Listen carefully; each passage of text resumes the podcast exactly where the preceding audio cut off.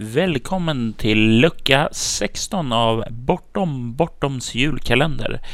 Bakom dagens lucka så har vi ett besök från Tom Kiraju, ansiktet bakom den första svenska rollspelspodcast Verklighetstroget. Tom har valt att dela med sig om ett litet berättelseföra i form av en fiktiv julhälsning från en man kallad Truman. Låt oss höra vad Truman har att säga om julen.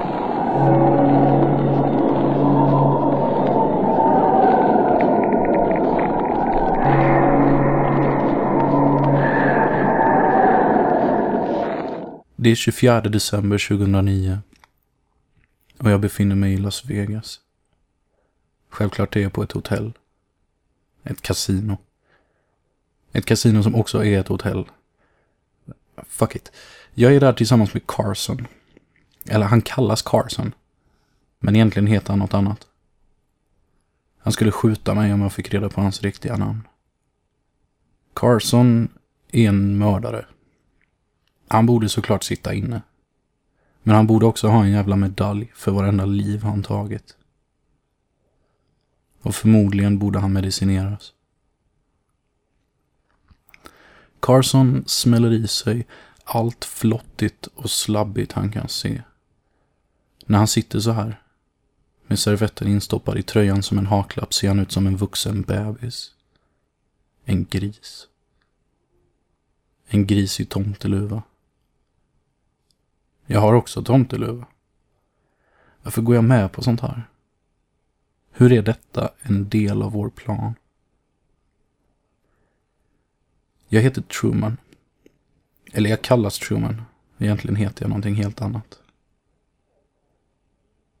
Carson kommer inte få reda på vad mitt namn är förrän jag mottar ett brev från mitt framtida jag. Och han får se kuvertet.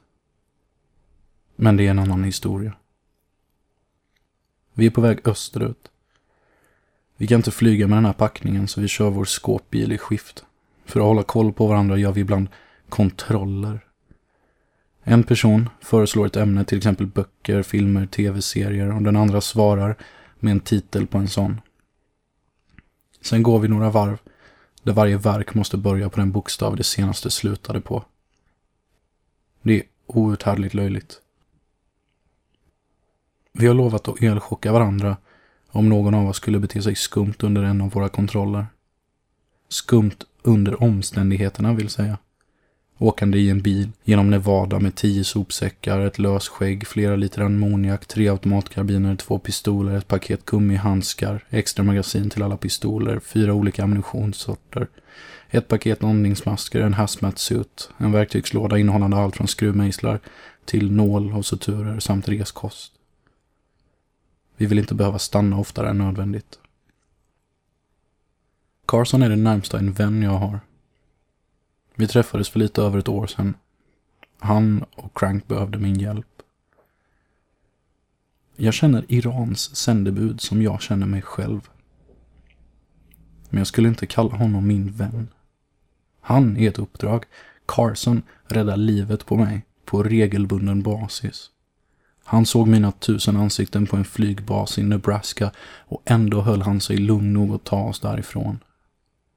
Carson är det närmsta en son jag har. Och jag är det närmsta en far han har. Det är tragiskt. Men jag får en slips av honom i julklapp. Han ser ut som en hund. En gris, ett vuxet barn. Och han är stolt över slipsen. Jag säger tack och ger honom hans julklapp. Ett avlyssningssystem. Jag har byggt det själv.